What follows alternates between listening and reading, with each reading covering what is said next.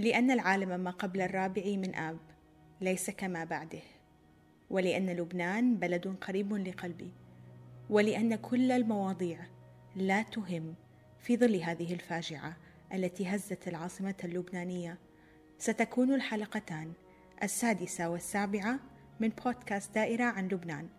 نستضيف في هذه الحلقة الباحث والناشط السياسي بشار الحلبي. للحديث معه عن الطبقة السياسية الحاكمة. كيف وصلت إلى سدة الحكم؟ كيف قسمت الكعكة اللبنانية؟ كيف تقتنص الخدمات وتتحكم بالاقتصاد؟ وكيف تشد بقبضتها على حياة اللبنانيين لتعزز نفوذها وتتحكم بهم؟ معكم جيهان الخطيب من بودكاست دائرة.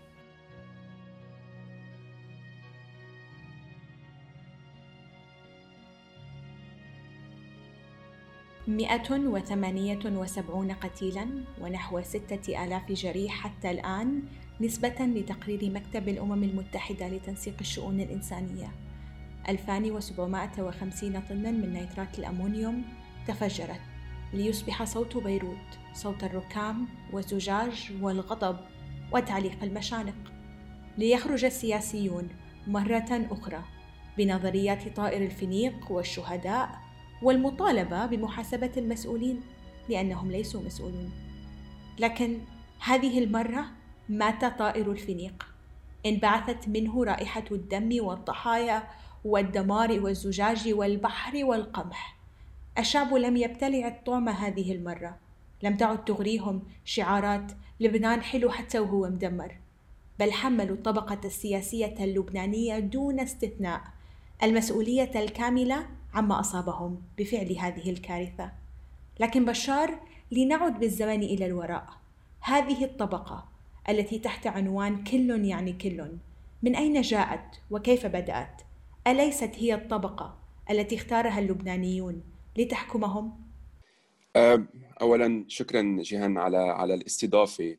وطبعا في نوع من مسكونسبشن موجود عند عند أغلب الناس. خصوصا بالعالم العربي حول آه، الديمقراطية اللبنانية أو ما يعرف بالديمقراطية اللبنانية.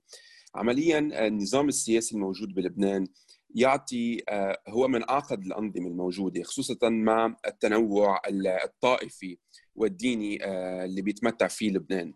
لذلك النظام بيعطي فساد أو هيئة الديمقراطية بسبب هذه الكثافة آه، الموجودة الكثافة البشرية وليس العددية إنما التنوع الموجود آه، بيعطي هذه الهيئة آه، ولكن في حقيقة الأمر إنه لبنان منه بلد نظامه ديمقراطي بقدر ما هو نظامه محاصصاتي مما يسمح للطوائف إن يكون عندها مارجن معين تقدر هي تشتغل من ضمنه وما حدا يقرب عليها وهي على أساس ما تقرب على حدا ولكن هذا موضوع بنرجع بنحكي فيه لأنه مش مزبوط فبيعطي هذا الموضوع هيئة الديمقراطية والعالم بتشوف من برا إنه ما عندكم انتخابات وإنتم بتنقوا قياداتكم.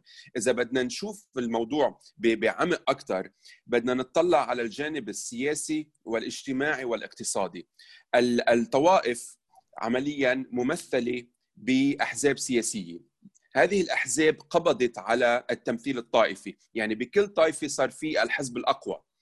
واللي بيصير عمليا إنه هيدا الحزب وهيدا الزعيم أو مسؤول الحزب عمليا هو بيصير متحكم آه، بالموارد الدولة وجزء من موارد الدولة ضمن لعبة المحاصصة يلي مقسمة بين الطوائف كلها. عندما يتحكم بهذه الموارد تبع الدولة بصير هو عنده شبكة منفعية. لا طائفته تحديدا. يعني من الوزير اللي بعينه والنائب اللي بعينه تعيين عمليا هو بنقي الزعيم هو بنقي مين بي يعني مين بينزل على الانتخابات وهو بنقي مين بيكون الوزير. لا الموظفين في الإدارات العامة لا حتى بعد هيك أكثر الخدمات اللي بتقدمها الوزارات يلي هو بتكون من حصته داخل الدولة. فإذا هن مشرشين بالنظام وهن مشرشين بقلب المجتمع ويتحكمون بقسم كبير من المجتمع ضمن العلاقة المنفعية اللي بتربطهم مع جماعتهم. الدولة اللبنانية ليست إلى حد ما دولة قانون ليست دولة يعني آه، تعطيك الفرصة لأنك أنت ذو كفاءة أو ذات كفاءة إنما تعطيك الفرصة آه، لأنك أنت آه، عندك ولاء معين للزعيم. وأكثر من هيك أنت إذا كنت خارج هذه الدولة ومؤسساتها. يلي عمليا القطاع العام هو الأكبر من الأكبر بالعالم نسبة للبوبوليشن أو كمية الأشخاص الموجودين بالبلد يعني. ومنتفخ جدا ويكلف الدولة مليارات الدولارات سنويا. أنت إذا كنت خارج هذا القطاع ترجع بتجي لمرحلة ثانية أو لشق ثاني إذا ما كان معك آه، يعني تدفعي قسط أولادك يا بالمدرسة يا بالجامعة بتروحي لعند هيدا الزعيم ليساعدك لأنه هو بيكون قابض حتى على عملية المنح. يعني المتمولين لتسي داخل طبقة مع طائفة معينة بيكونوا موجودين عنده. ممنوع يعطوا منح دراسية لحدا إلا من خلاله هو بنقي. بعدين أكثر من هيك انت بلبنان آه، وزارة الصحة آه، بتأمن نوع من ضمان للبنانيين ضمان آه، استشفائي ولكن ما بيغطي كلفة المستشفى كلها أو الطبابة كلها. اللي بيصير هو إنه بتروحي عند عند الزعيم كمان وقت تفوتي على يفوت حدا من عندك على المستشفى كرمال عملية آه، دفع على دفع يعني الفاتورة تبع الاستشفاء تبعك. فاذا النظام يعطي هيئة الديمقراطية ولكن بالمضمون هو ليس ديمقراطي هو محاصصاتي وهم يتحكمون بمفاصله. حتى أكثر من هيك الانتخابات النيابية يلي الكل بيتهم اللبنانيين إنه أنتم أنتم من صوتوا لهذه الطبقة أو المنظومة الحاكمة وأنتم عليكم أن تتحملوا مسؤوليتها. القانون الانتخابي يتم آه، تفصيله تفصيل يعني على حجم والاحزاب الطائفية الموجودة والزعامتية. يعني بآخر انتخابات اللي صار إنه كل الأحزاب التابعه للسلطه يعني أحزاب السلطة الاستابلشمنت كلها تحالفت مع بعضها بكل مناطق لبنان ضد الجو الجديد اللي خلق بالبلد اللي هو كان كان يسمى بالمجتمع المدني. ولكن هلأ بطل مجتمع مدني صار أكثر حالة ثورية موجودة بالبلاد. فاذا آه، تكتلوا ضدهم عملوا قانون انتخابي بمس يعني ب... على قياسهم. هن لأنه بيعرفوا كل شخص بكل دائرة وبكل ضيعة بلبنان كيف بده يصوت وراحوا على هيدي الانتخابات. كانت نسبة المشاركة نسبيا متدنية لأنه عم نحكي بحدود بين ال 40 و 45% يعني 55 من 55% من ال... يعني الفوترز قعدوا ببيوتهم وما صوتوا كمان. وكان هيدي نسبة عالية آه، بمقاطعة الانتخابات. وحتى كان في نسبة معينة من من الأوراق البيديا لأنه كانوا اللبنانيين عم بيعترضوا عمليا على هذه العملية الانتخابية وعم بيحاولوا يسحبوا عنا أو يعروها من الليجيتيمسي آه، تبعها آه، لأنه كانوا معتبرين أنه مش هيك بتصير الانتخابات ومش هيك بتصير عملية الاقتراع يعني والتمثيل الصحيح.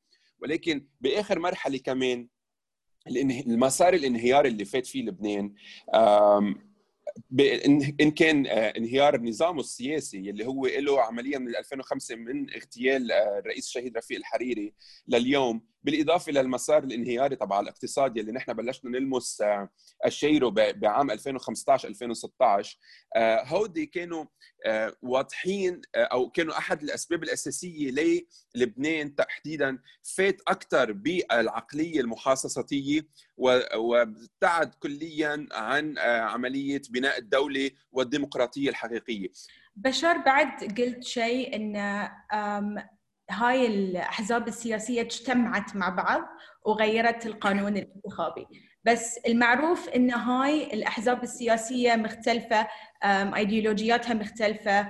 فشلون قرروا إنهم يجتمعون مع بعض مع إنهم يراوون للجمهور العام ولمناصريهم انهم مختلفين انهم ضد بعض؟ فشلون صار هاي الشيء؟ بس بس نتطلع نحن على الأحزاب السياسية الموجودة.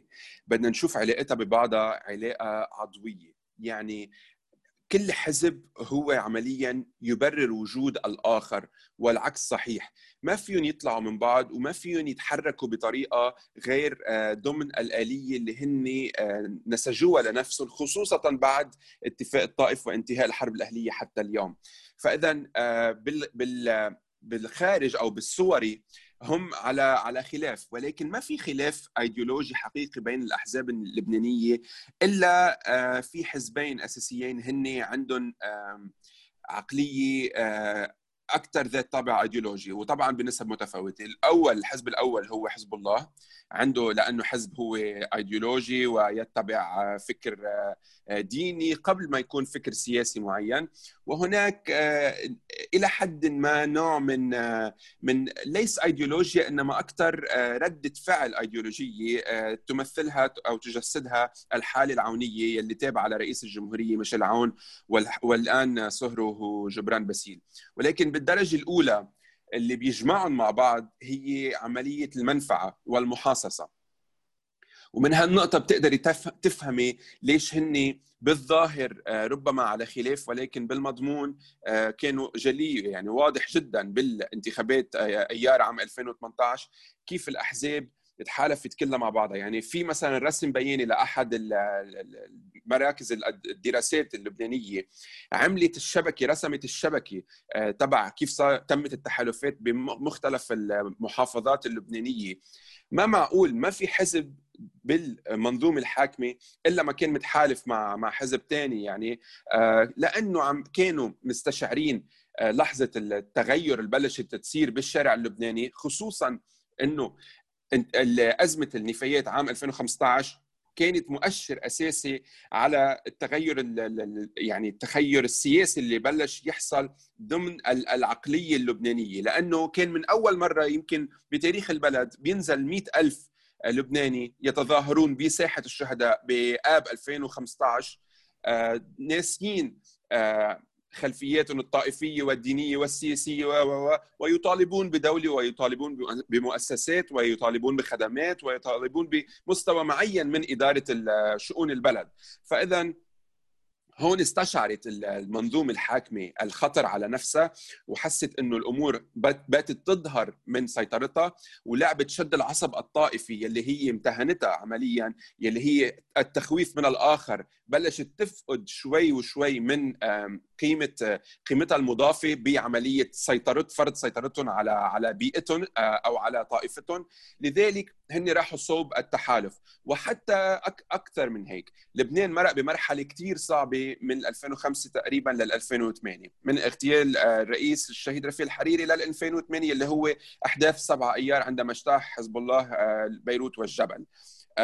حتى بهي المرحلة كان في كانوا يجلسوا كلهم ويكونوا آه، شركاء بالحكومة اللبنانية. يعني حتى آه، في حتى خلال الخلافات يعني بيناتهم هن دائما متفقين على عملية إدارة البلاد ولكن مختلفين على حصصهم.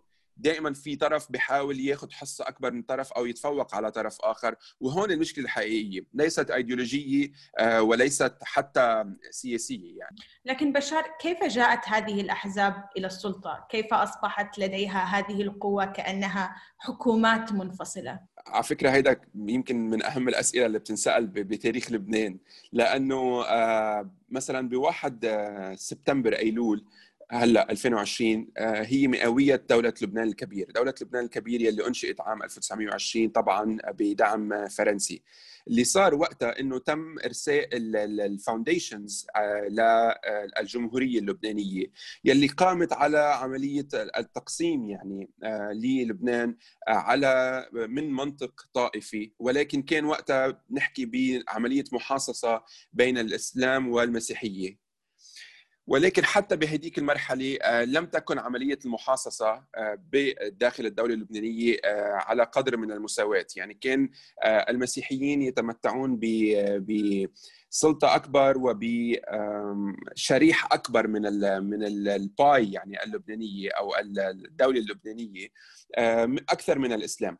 وهذا أدى مع مرور الوقت إلى عملية تجذير الطائفية في لبنان. أدى إلى عملية يعني اللبناني بدل ما بعد إنشاء دولته أو جمهوريته بعام 1920 وأخذ الاستقلال عام 1943 بدل ما يتوجه اللبناني نحو عملية بناء الدولة وبناء المؤسسات ويخلق آه، نوع من هوية لبنانية جامعة ويخلق نوع من حس بالمواطنه اللي صار هو إنه تم الاستثمار في عملية المحاصصة وعملية تقسمة الدولة من أجل آه، تغليب طرف على آخر أو من أجل أوهام أن يتغلب طرف على آخر باعتبار أنه في ناس بتعتبر البلد لهم أكثر من ناس تانيين وناس بتعتبر أنه في أشخاص أو طائفة فاتت دخيلة على البلد ولكن هذا البلد كان بالأساس لهذه الطائفة وغيرها. كان في هذه العقلية. هذه العقلية أسست لفكر لعقلية طبعا العقلية الطائفية والجماعات كون لبنان يعني منه بعيد أبدا عن محيطه وهو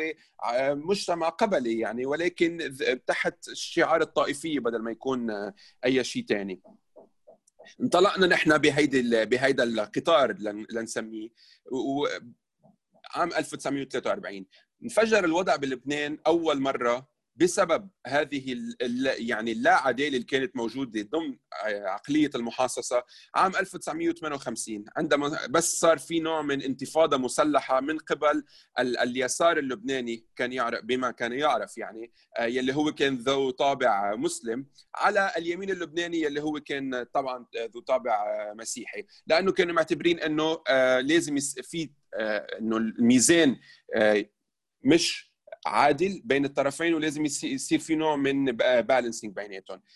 راق الوضع بال 1958 آه، رجعنا فتنا بعهد اسمه آه، عهد فؤاد شهاب يلي هو كان عمليا قائد للجيش وقتها. وفؤاد شهاب وقتها كان في إجماع دولي وبس ليكون في عند فكرة عند المستمعين. لبنان دائما كان بلد مدول. دائما المجتمع الدولي له آه، يعني قرار وله آه، تدخل في عملية صناعة السياسة والحكم في لبنان. لذلك بعد آه، انتفاضة 58 صار اجى فؤاد شهاب يلي هو يعتبر من أهم رؤساء الجمهورية بتاريخ لبنان لسبب أساسي. فؤاد شهاب لم يكن متحيزا لطرف على آخر كان عسكريا آه، ودخ ويعني استغرق بعملية بناء الدولة وبناء المؤسسات، طبعا شكل شيء بيشبه الدولة الأمنية وقتها لأنه فكر العسكري يعني هيك هالقد بيسمح له إنه يشتغل. آه، شكل نوع من دولة أمنية ولكن بنى مؤسسات، هذه المؤسسات صمدت إلى عام 1975 اللي صار عام 1975 بعد اللجوء الفلسطيني آه، بنهاية حرب 73 آه، وبعد الأيلول الأسود بالأردن يلي أدى إلى نزوح أيضا فلسطيني إلى لبنان صار في آه، تخوف من الوجود الفلسطيني في لبنان. آه، في ناس اعتبرت إنه عمليا المسيحيين واليمين اللبناني اعتبر إنه الوجود الفلسطيني في لبنان هو لتغيير صورة لبنان ووجه لبنان يلي هن بيعتبروه ذو وجه مسيحي. واليسار اللبناني المسلم عمليا اعتبر إنه باستطاعته إنه آه، ضمن الكلام عن القضية الفلسطينية وتحرير فلسطين اعتبر إنه باستطاعته استعمال الفلسطينيين ووجودهم المسلح داخل لبنان من أجل ضرب النظام نظام الحكم الموجود آه، وجعله أكثر كفاءة وأكثر عدلا يعني بين المسلمين والمسيحيين. فتنا بحرب أهلية اللي هي حرب 1975 ضلت على 15 سنة آه، صار فيها اجتياح إسرائيلي الأمريكاني اجى على لبنان وتم في تفجير المارينز وقتها. الفرنسي أيضا أتى إلى لبنان الدول العربية أرسلت جيوشها تحت آه، تحت آه، مظلة الأمم المتحدة. وإلى ما هنالك لحديث 1990 عندما جلس ال ال يعني زعماء الحرب وأمراء الحرب في الطائف بالسعودية ومضوا على اتفاق الطائفي اللي هو عمليا اتفاق سلام أنهى الحرب اللبنانية.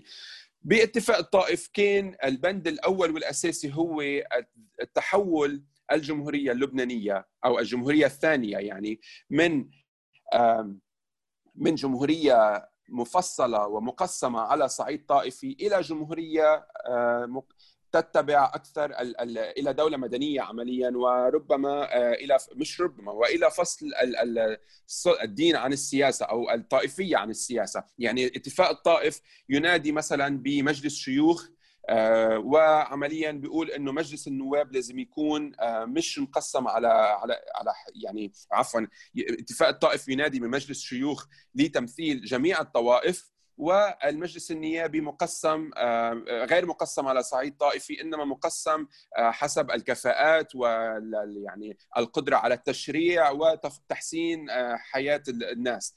ولكن هذا الشيء لم يتم ابدا لسبب كثير أساسي هو إنه بنهاية الحرب الأهلية تم إعطاء ضوء أخضر للنظام السوري تحت قيادة حافظ الأسد سابقا لعمليا انتداب لبنان وإلى بلع لبنان آه، وجعله محافظة أخرى من محافظات آه، سوريا يعني.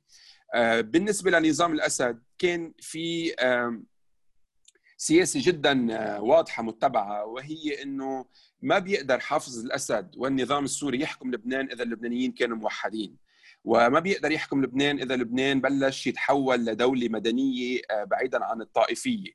آه، فكان في عملية استثمار بتفرقة اللبنانيين وبضربهم وبعملية تأجيجهم على بعضهم وتأجيج النظام الطائفي ومنع تحقيق ومنع حتى تطبيق اتفاق الطائف منعا ل آه، يعني عمليا انحسار دور النظام السوري ويعني مطالبته الخروج من البلاد. فالسوري أو النظام السوري كان له يد كمان بعملية التقسيم وبعملية آه، تأكيد إنه هذه الحساسيات بين الجماعات اللبنانية تبقى موجودة كرمال ما يضطر هو يخرج من لبنان. طبعا fast forward للحظة 2005 واغتيال آه، رفيق الحريري رئيس الوزراء اللبناني السابق بنشوف إنها كانت لحظة إلى حد ما لبنانية جامعة وطنية تجسدت بانتفاضه سموها وقتها انتفاضة الأرز و اللي صار إنه اللبنانيين توحدوا تحت آه، شعار السيادة. وشفنا صار في مظاهرة مليونية بساحه الشهداء مظاهرة 14 أذار. وبهيدي اللحظة تحديدا لما صار في هذا المنظر وتوحد اللبنانيون تحت شعار آه، السيادة والحرية والاستقلال. اضطر النظام السوري إنه ساعتها آه، أكيد بدعم بضغط دولي من فرنسا وأمريكا يلي هن بوقتها كانوا حلفاء لبنان وحلفاء الرئيس الحكومة السابق رفيق الحريري. اضطر النظام السوري إنه يخرج من لبنان على على وطئ هذه المظاهرات. ف ولكن اللي صار إنه حتى بفرصة 2005 اللي هي يعني عمليا لو عملية الاغتيال أدت إلى اغتيال رفيق الحريري ولكن كانت فرصة إلى بدء مسار سياسي جديد في لبنان. هذا الشيء ما لم يحصل آه، لأنه تم استثمار مجددا بعملية المحاصصة، تم استثمار بعمليه بالعملية الطائفية والأشخاص الموجودين في الحكم يعني من من من منذ الحرب الأهلية حتى اليوم هن غير قادرين على خسارة المكتسبات اللي حققوها عبر العقود. بس بشار أنت قاعد تقول لي إن اللبنانيين ضد الأحزاب السياسية وهم يبون الإصلاح الاقتصادي. بس مثلا لما شفنا سمير جعجع طلع في ساحة ساسين شفنا ناس قاعد تصفق له. شفنا ناس قاعدة تقول إن حزب الله هو اللي حمى الشعب وهو اللي حمى لبنان. لو بدونه أنت وبناتكم مغتصبات وبلدكم مدمر. كل مرة قاعد نشوف ناس يدعمون الطبقة السياسية الحاكمة قاعدين يطلعون في نفس الوقت اللي في ناس قاعدين يتظاهرون فالبلد منقسم. طبعا طبعا البلد منقسم ونحن ما فينا حتى نقفز فوق الواقع اللبناني اللي هو ما زال واقع طائفي. يعني وقت أقول أنا إنه اللبنانيين ضد المنظومة السياسية الحاكمة المنظومة الطائفية. آه، مش يعني إنه كل كل اللبنانيين آه، شلحوا عنهم هذا الانتماء الطائفي وذهبوا نحو آه، يعني عملية صنع نوع من مواطنة معينة وهوية لبنانية جديدة. بعد في طائفية في لبنان وهي مستشرية والأحزاب الطائفية الموجودة ما زالت ما زالت تتمتع بتمثيل يعني داخل داخل طوائفها لأنه عمليا بعدها قادره تحافظ إلى حد ما وضمن المعقول على هذه الشبكة المنفعية اللي حكينا فيها بالأول اللي هي بتأمن كانت كل شيء للمواطن اللبناني من أكله وشربه لعلمه علم اولاده لطبابتهم لوظيفة بالبلد. الأساس بعملية الانهيار الاقتصادي الحاصل هو إنه حنفيه الدولة تسكرت. ما بقى في كميات مصاري موجودة يقدروا هالزعماء يوزعوها على العالم. وأنا لما أقول هيك مش يعني إنه هن عم بيغرفوا مصاري مثلا ويروحوا يكبوها على الناس. عملية المحاصصة بتتم بإنه آه، بشار هو من طائفة آه، آه، لنقول الطائفة السنية.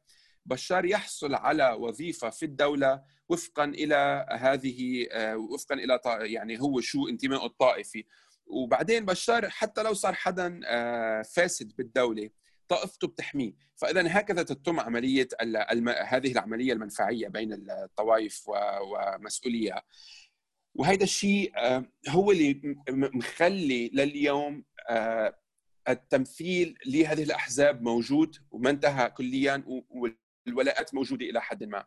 وخصوصا هلأ بهذه المرحلة لما انتقل اللبناني من عملية الحياة والرغبة بالحياة والرغبة بالتطور والعلم والسفر وإلى ما هنالك إلى آه، مرحليا عملية survival هود يعني آه، بس الحفاظ على آه، يعني يعني يضلوا محافظين على حياتهم ويواجهوا الأزمة الحاصله بالبلد.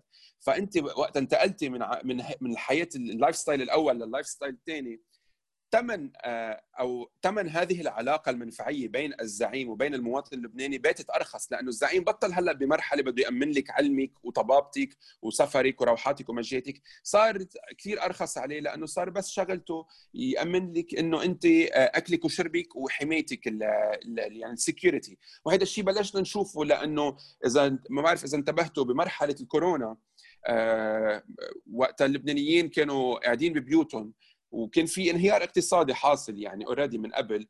صاروا الأحزاب اللبنانية آه، توزع إعاشات على اللبنانيين. يعني مثل ما بصير بالكوارث مثل ما بصير وقت الحرب.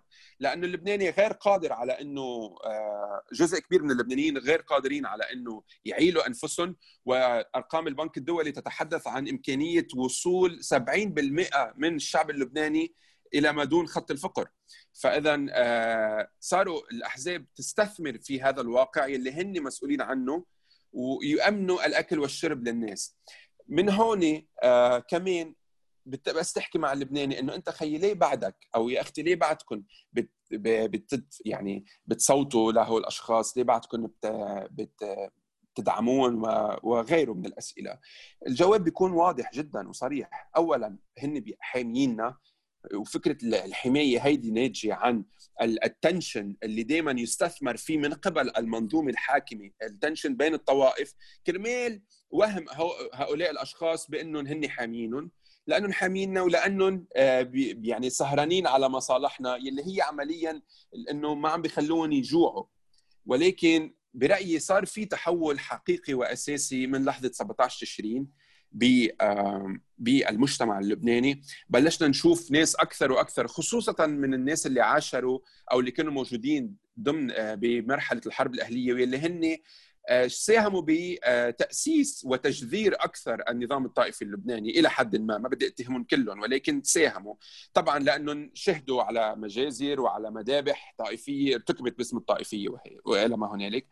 آه، حتى هول الأشخاص تحكي معهم اليوم آه، بلشت تتغير نظرتهم بالزعماء الموجودين يلي هن كانوا يعتبرون آلهة عمليا غير قابل موضوع يعني موضوع انتقادهم مش موجود حتى. آه، ويعني ما فيك تحاولي انك تحاسبينه على أي شيء.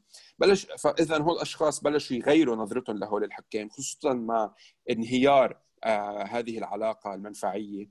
آه، وانهيار البلد يلي كان آخر تجلياته الانفجار الحاصل على مرفأ بيروت بأربعة آب يلي خلى اللبنانيين يحسوا إنه حتى فكرة الأمان يلي كانت هيدي الأحزاب الطائفية بتقدم لهم إياها وبيعتهم إياها هيدا الوهم الأمور بلشت تتغير وهذا الشيء بطل موجود لأنه الموت دخل على كل البيوت وعلى كل الناس لا المحزبة والمش محزبة اللي اللي بت بتمارس هويتها الطائفية واللي ما بتمارسها وما فرق بين اللبنانيين ابدا. فاذا هيدي كانت لحظة آه، ممكن تكون لحظة آه، صحوه حقيقيه آه، رح بال يعني بالمستقبل. بس نرجع نطلع عليها. ممكن نشوف إنه أدت لتغيير حقيقي بالبنية الاجتماعية والسياسية تبع لبنان. ولكن بيبقى الطرف الأساسي والأقوى وحامي النظام السياسي اليوم في لبنان. آه، حزب الله هو العقبة الأساس أمام تحول لبنان إلى دولة ربما علمانيه إلى دولة مدنية إلى دولة بتحط الطائفية على جنب وبتشتغل أكثر على حس المواطنة بين اللبنانيين. بس علشان بس نختصر الموضوع اللي هو الفساد في لبنان يرتبط ارتباطا وثيقا بطبيعة النظام السياسي. أنا ك حاكم حزب أو ما إلى ذلك أقتنص الخدمات وأستخدمها حتى أعزز نفوذي على حساب الدولة ومؤسساتها. وبعدين أمن على الشعب بالخدمات اللي أنا قاعدة أقدمهم حتى أحصل على استمرارية ولائهم. زين مزبوط رح أعطيكي بس مثل كثير صغير آه، صار يعني بس أنا درست بالجامعة الأمريكية في بيروت. وقت تدرسي بالجامعة الأمريكية في بيروت هي آه، مجتمع مصغر آه، ولكن هو مرآة عن المجتمع خارج خارج اسوار الجامعة.